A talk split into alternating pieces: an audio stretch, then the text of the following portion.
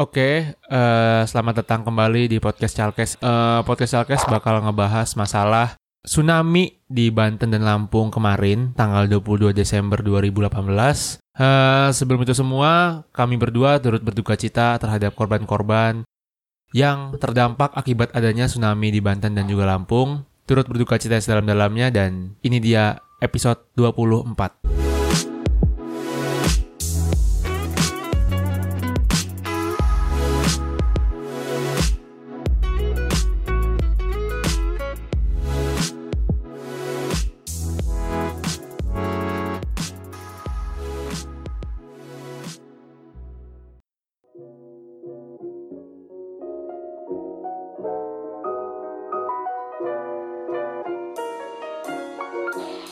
Halo semua, balik lagi di podcast Chalkes.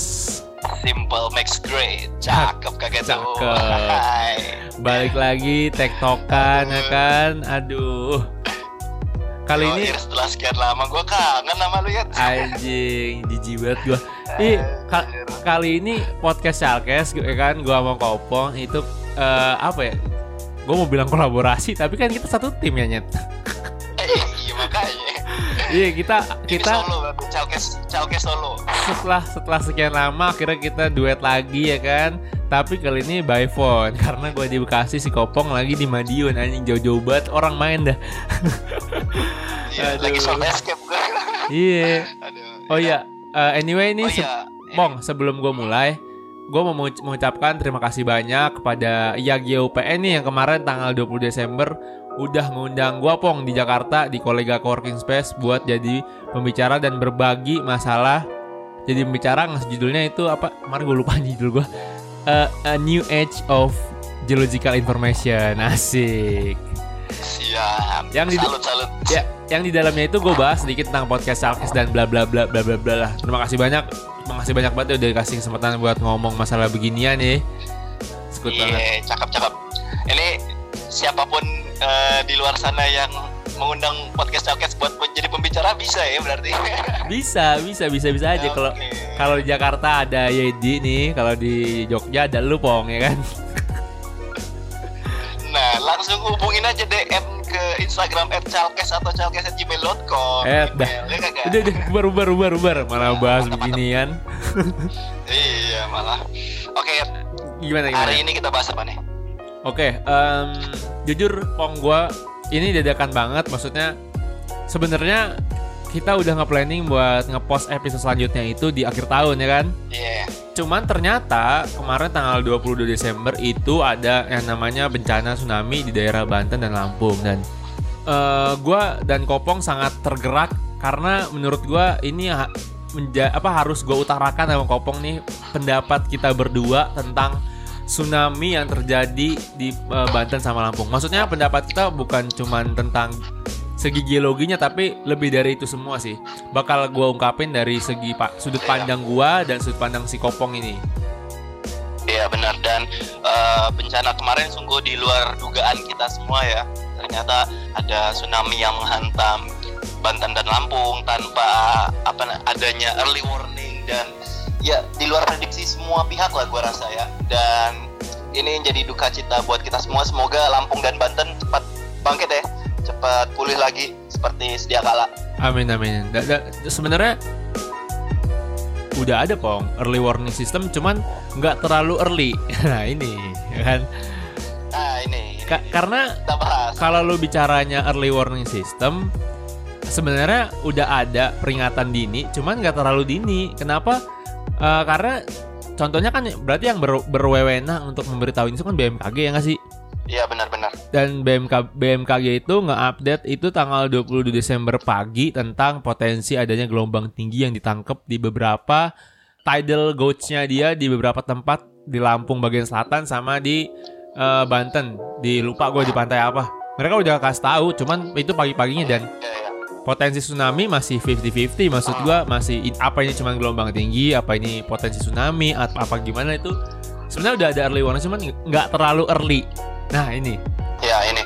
Dan sekarang permasalahannya mungkin adalah eh, yang kita pakai di Indonesia kan kurang lebih pakai kayak sistem voice itu ya voice yang pakai pelampung. Iya, yang yang untuk mendeteksi gelombang. yang nangkap sinyal gelombang terus dibaca lalala gitulah.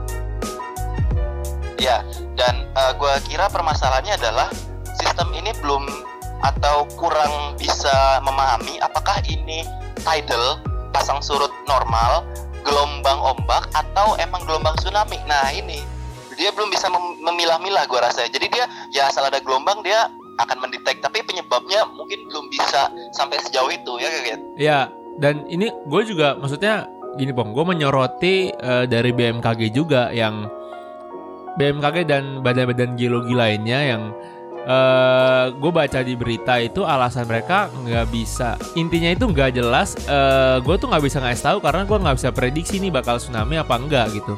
Dan eh kalaupun tsunami gue nggak tahu nih penyebabnya apaan karena di situ nggak ada gempa nggak ada apa dong ya kan? Iya, dan awal terjadi bencana itu juga ada simpang siur informasi kan antara BMKG dan apa itu Geologi. Jadi karena di Indonesia sendiri data itu masih misah kan BMKG dan Badan Geologi itu gua rasa kurang sinkron gitu loh sehingga ketika ada bencana seperti ini jadi kagak apa ya kagak satu pintu gitu ya kagak soalnya kalau kita ngomongin vulkanologi gunung api itu semua data milik Badan Geologi dan ketika pergerakan tektonik, seismicity itu punyanya BMKG. Nah mungkin ini yang harus menjadi evaluasi kita bersama buat ke depannya kayak kan? Iya, dan padahal itu itu gue setuju sama omongan lu barusan karena padahal tsunami yang sekarang ini kan disebabkan karena adanya aktivitas vulkanik Gunung Anak Rakatau yang menyebabkan tsunami. Berarti kan maksud Iya, gua benar. ini eh, data dan informasinya ada di apa Badan Geologi sama di BMKG dong. Ya enggak? Iya, iya makanya kepisah kan. Dan gue menyoroti gini, Bong. Maksud gue, jadi eh, kemarin di grup yang yang di grup angkatan kita nih di geologi ya kan, itu ada salah satu Iya. teman kita yang ngasih sebuah paper yang memprediksi bahwa ketika anak Krakatau meletus dan kolaps bisa menyebabkan tsunami yang berdampaknya itu eh, bentar gue baca dulu. Eh buset. lupa gue gue lupa. Lu, lu jangan ngomong dulu. Speakernya gue arahin ke lain tempat. Nah nah ini nih jadi ada paper pong yang membicarakan judulnya itu adalah tsunami hazard related to a flying collapse of anak Krakatau volcano Sunda Strait Indonesia ini adalah karangan dari eh, Om Giasetti, R. Paris, Kelvon dan Onto Wiryo dari Claremont University di Geolab di Prancis ya kan nah gue gue baca ini paper nggak belum semuanya tapi gue baca intinya adalah paper ini menyebutkan bahwa eh, ketika terjadi kolaps di anak Krakatau itu bisa menyebabkan tsunami yang bisa mencapai beberapa kota yang berlokasi di eh, pesisir barat. Iya iya. Nah, contohnya itu kayak di Merak, Anyer dan Carita. Nah, Hmm. ini maksud gua dan paper ini itu dipublish tahun 2012 Maret tanggal 12 2012 yang artinya berarti kan orang luar negeri orang dari Prancis secara gamblang udah menyebutkan bahwa ketika anak Krakatau kolaps akan bisa berpotensi menyebabkan tsunami yang terdampaknya adalah kota-kota tadi salah satu Carita yang menjadi banyak korban itu ya kan Iya benar. ini ini 2012 loh, Bang. 2012, sekarang 2018. Range tahunnya ada 6, Iya. tahun 6 tahunan gitu loh. dan lokasi diprediksinya pun tepat ya. Tepat di Carita salah satunya Merak dan Carita dan maksud gua gini, Gunung Anak Krakatau kan meletusnya nggak tiba-tiba meletus kan? Iya benar. Pasti ada tanda-tandanya yang dia ada eh, erupsi eh, abu vulkanik dulu, ada gempa apa? Gempa yang disebabkan karena dia erupsi, lalu Iya, lain hal dah. Kita bisa lihat dari udara juga dari foto udara itu bisa ketutupan gunungnya karena ada uh, apa awan panas yang keluar menggem- menggembul ke udara Iya. bisa tanda-tandanya bisa kelihatan ya kan Hmm. Yang jadi, yang jadi pertanyaannya adalah ketika tanda-tanda ini udah kelihatan kenapa eh, nggak ada larangan? Apa ya gue bilang enaknya tuh la- larangan kalau lu tuh nggak boleh berkegiatan di pantai selama Krakatau ini masih masih beraktivitas vulkanik. Gitu maksud gua. Iya benar. Ah, dan mungkin larangan yang dirilis oleh BMKG itu, sepengetahuan gue adalah larangan yang di website itu loh. Jadi kalau kita buka uh, perakiraan cuaca di websitenya BMKG itu tuh nanti ada suatu peringatan gitu. Artinya oh bah kalau ada gelombang Pong, putus-putus Pong, ulangin Pong. tapi bener Rem. bukan ya Iya. Oke, para pendengar setia Chalkes, sebentar dulu ya. Oke oke, di pause rekaman kali ini karena ternyata rekamnya kopong telepon sinyal sedikit terganggu dan putus-putus dan eh, bakal dilanjutin ntar dulu ya. Skut.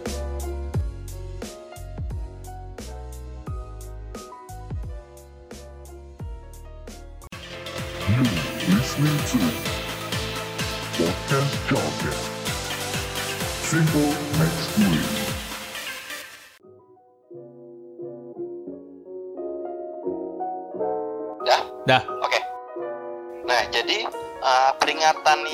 BMKG rilis itu itu seputar untuk tidak berkegiatan di pinggir pantai. Itu pun uh, penyebab kenapa lu nggak boleh beraktivitas di pinggir pantai itu gara-gara ya gelombang tinggi tadi gitu loh. Jadi artinya nggak ada kaitannya dengan vulkanik, kaitannya dengan gelombang tinggi. Nah, ini tadi mungkin balik lagi yang udah gua bilang di awal karena datanya ini nggak sinkron gitu loh antara badan geologi dan vulkanologi dan BMKG gitu loh. Karena ini bagaimanapun bukan gempa tektonik yang kayak biasa gitu kan. Nah, jadi ada juga kan lagi full moon kemarin ya lagi kalau di geologi ada namanya uh, spring tide. Spring tide itu artinya pasang paling tinggi gitu. Terjadinya rata-rata dua kali setahun. Nah, karena itu bukan karena aktivitas vulkanik kayak gitu loh. Menurut lu gimana ya? Nah, gue mau ini sih, gue mau bilang kalau sebenarnya jujur gue sendiri bukan maksudnya apa ya nyacat-nyacatin pemerintah lewat BNPB, BMKG, Iya, iya, Badan iya. Geologi. Tapi di sini gue ngelihat sebenarnya tuh bencana yang ini seharusnya bisa lebih sedikit memakan korban karena sampai sekarang pong kalau lu ikutin itu korban meninggal udah sampai 400-an. Ya, maksud gua eh, ini dari akumulasi berita yang gua tonton, dari apa beberapa pen- penelitian yang gue baca, terus gua cari-cari juga informasi, pun bahkan sampai gua buka Google Earth daerah si pesisir pesisir pantai Cardan sekitarnya ini gue lihat di Google Earth dan maksud gua tuh sebenarnya ini bisa diminimalisir dengan tanda-tanda yang udah ada. Apalagi abis gue baca tuh papers ya eh, bapak-bapak dari Prancis itu yang bilang eh, kalau Krakatau kolaps itu bisa jadi tsunami, bisa terdampaknya kena kota cari eh, daerah Carita, Merak dan sekitarnya. Itu tahun 2012 maksud gue anjir ini sebenarnya tuh bi- terdampaknya bisa dikurangin gitu loh. Nah, Dan dan gua gue setuju banget. dan gua pun mikirnya gini pong nggak sepenuhnya bencana ini disalahkan ke alam maksudnya ya udah ini emang alam akan dinamis akan terus berputar. Tapi gimana caranya kita sebagai manusia itu bisa meminimali- meminimalisir ketika terjadi si bencana ini? Nah eh, yang gua sayangkan kita ini belum aware masalah ke situ. Nah, iya. belum belum awarenya belum awarenya kenapa? Karena eh, jujur gue belum belum pernah sono ya kan? Belum pernah ke Pantai Carta dan sekitarnya. Ah, gue penasaran gue buka Google Earth dan gue lihat di situ ternyata pemukiman pemukiman warga ini itu jarak ke garis pantai ke pantai lepasnya itu buset itu gue bisa di Google Earth bisa ngukur ya bisa ngukur jarak kan ya iya, iya. itu sampai gue ukur rata-rata itu jaraknya cuma eh, 100 sampai 200 kilo dari pemukiman ke bibir pantai Ah, 100-200 kilo.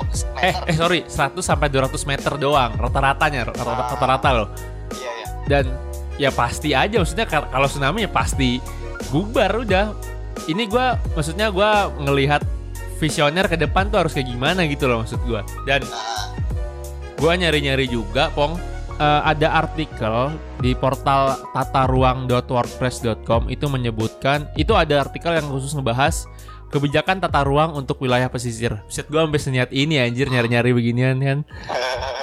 Nah, eh, di situ ya, ya. Iya anjir, ini kayak ranah orang tata kota tapi gue sikat juga, kampret.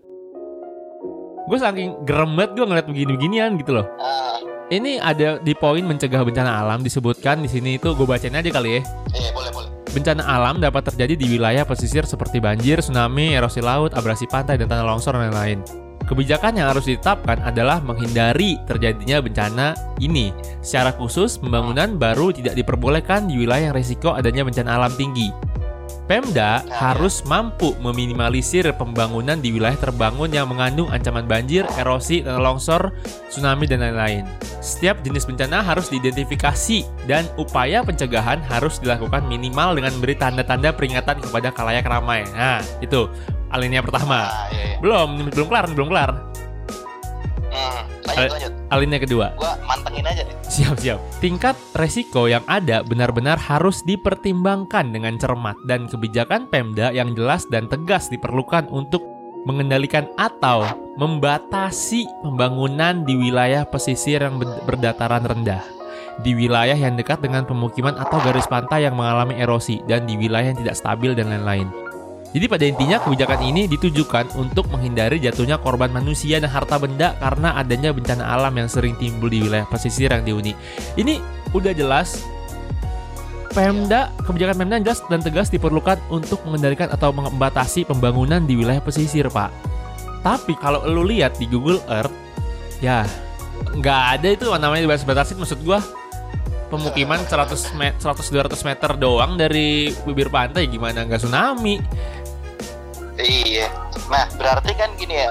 Kalau menurut gua nih ada dua nih permasalahannya. Berarti kita sekarang lihat masalahnya kan. Iya iya iya.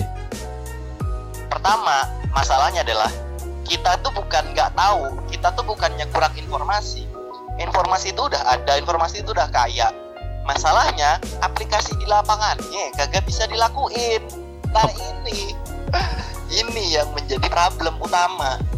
Jadi eh, kayak misalnya eh, prediksi wilayah eh, prediksi wilayah yang akan terpapar bencana udah ada papernya dari enam tahun lalu. Terus juga tata kotanya kan seperti apa untuk meminimalisir kerusakan dan kerugian ketika terjadi bencana udah ada. Cuman apakah diaplikasikan? Enggak. Nah, ini Bener. permasalahan kan. Iya, jadi kagak kagak kepake gitu loh. Nah, jadi kan kita banyak informasi nggak ada yang dilakuin juga buat apa gitu kan? Yang penting kan actionnya gitu loh. Nah, Tuh. itu yang maksud gua gua ini bukan mengkritik institusi apa pun, tapi gua mengkritik kita semua yang sebagai pelakunya gitu. Iya. Karena bencana bisa disebut bencana kalau ada korbannya, Pong. Kalau kagak ada korbannya ya udah kejadian alam namanya kagak bencana gitu.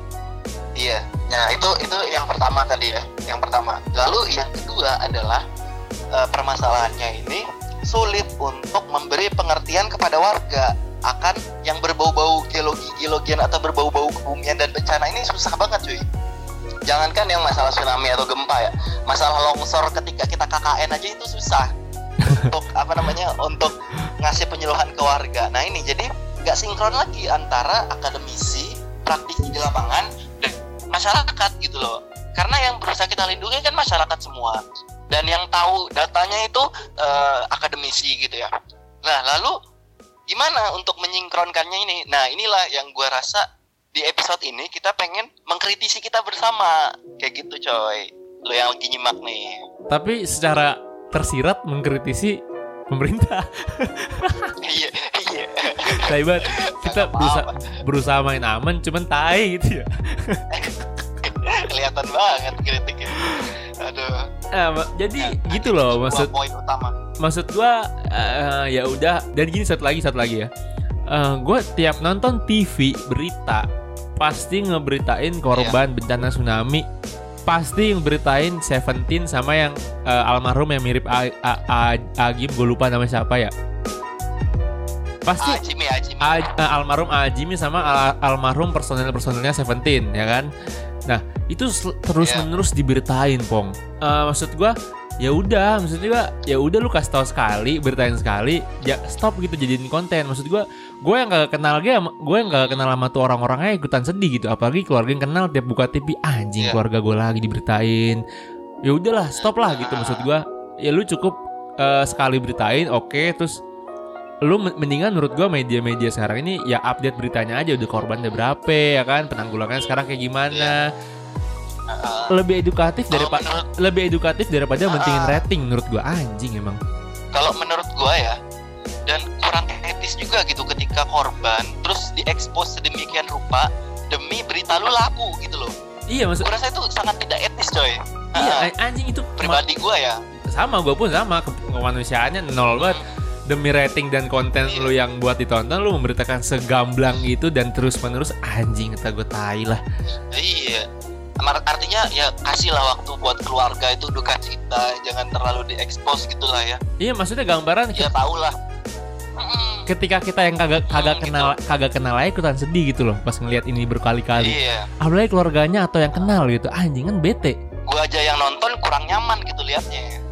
iya jadi ya nggak gua nggak tahu nih bakal denger sama media-media kayak TV atau apa pun itulah cuman yang pasti gue cuma ngasih tahu apa yang gue rasakan aja nih sejauh ini tentang bencana Iya, alam iya. ini Di episode ini kita ngasih tahu keluh kesah aja, keluh kesah kita. iya anjing tuh dan gue. Mana tahu audiens kita kan sepemikiran gitu sama kita ya. Iya, dan gue sebenarnya tujuan gue di episode ke-24 ini gue pengen ngajak lu semua mikir nih denger maksud gue pernah ada orang yang bilang ke gue bahwa sekarang itu bukan zamannya kita untuk unjuk gigi tapi zamannya kita untuk kolaborasi. Dan apa makna kolaborasi itu? Iya. ya di sini makna kolaborasinya.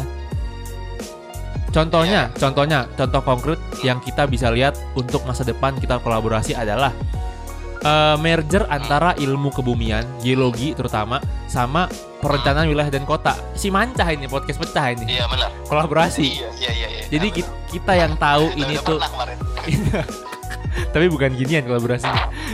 Kita yang Iya. tahu le- letak geografis, kondisi geologi di di daerah situ pantas nggak sih dijadiin pemukiman kalau lihat dari bencana alam, lihat dari segi apa bla bla bla segala macam dari sudut pandang anak geologi dan ketika emang Hmm. Iya atau tidaknya ditindaklanjutin sama perencanaan kota. Maksudnya ini mau digimanain kalau kagak bisa dibangun di pesisir pantai, jadinya kayak gimana? Karena gini, Pong. Nah, ini yang gue hampir lupa nih, Ah. Pong. Ah, Kalau gue mikirnya, kenapa yang tadi kan di Google Earth itu jaraknya dari bibir pantai cuma 100 sampai 200 meter, gue bilang ya kan rata-rata.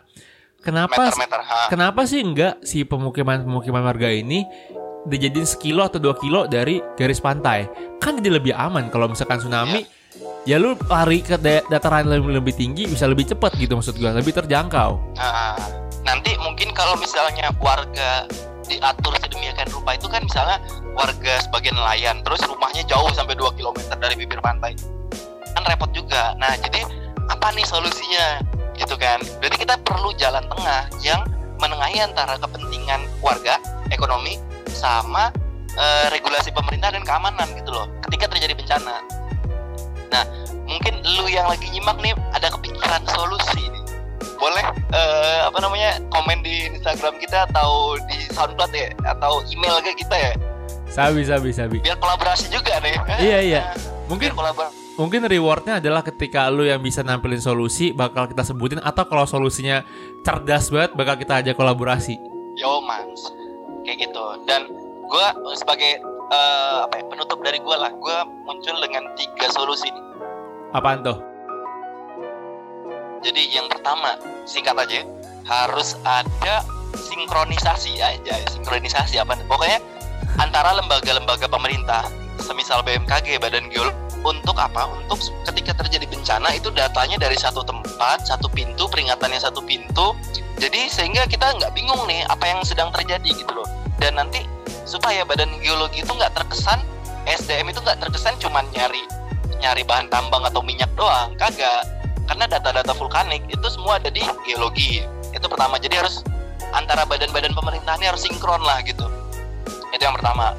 Lalu yang kedua aplikasi di lapangan coy aplikasi di lapangan ini harus perencanaan wilayah harus memperhitungkan geologi wilayahnya seperti apa kebencanaan seperti apa sehingga ke depannya eh, apa namanya ketika terjadi bencana kerusakan tuh bisa diminimalisir dengan cara apa? Dengan cara perencanaan ke depan kayak gitu loh. Kan ini wilayah lagi gencar-gencar pembangunan ya. Harapannya nanti wilayah yang akan dibangun ke depannya lebih memperhatikan aspek-aspek geologinya tadi. Itu yang kedua. Lalu yang ketiga kalau menurut gua adalah perlu adanya edukasi. Dan di sini kalau gua bilang edukasi ini benar-benar edukasi. Bu gimana caranya dari kecil itu diajarkan tentang bencana sehingga seluruh masyarakat Indonesia tuh nyadar ngerti dan paham gitu bahwa lu tuh tinggal bukan di wilayah yang baik-baik aja. Lu tuh tinggal di wilayah yang rentan tsunami rentan uh, gunung api rentan gempa.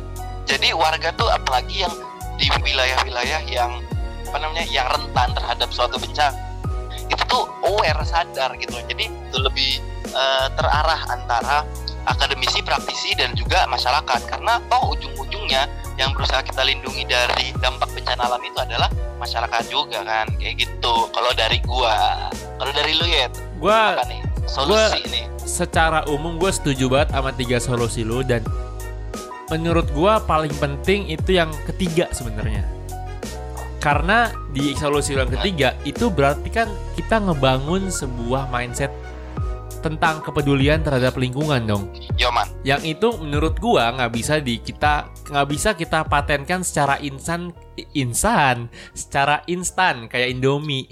Iya benar. Secara insan. Harus berjangka ya. Iya, secara insan ke orang tua. Ya lu pikir aja kita kayak ngajarin orang udah umur 40 50 tahun yang udah ogah gitu. Maksudnya mayoritas udah ogah bu- buat belajar lagi. Ya, berarti sasarannya apa? Sasarannya harus ke bocil-bocil yang sekarang masih gampang buat diajarin dan ketika itu udah tersistemasi, tersistemasi anjing bahasa gua. Udah sistematiknya udah bagus, kita udah Iya. campaign tentang masalah-masalah kayak begini nih. Ya ya bukan bukan bukan sebuah mimpi lagi ketika ada bencana Indonesia korbannya akan lebih dikit daripada yang sekarang-sekarang terjadi gitu loh. Ah, dan inilah tuh peran pemuda ya. Lulu yang lagi nyimak nih. Nah ini lu peran lu kita semua pemuda-pemuda nih. Aduh, Ih, j- jangan- banget. Jangan cuman KKN doang lu campaign-campaign bencana lu tai. Bakal proker-prokeran Iya, doang nih. Bener.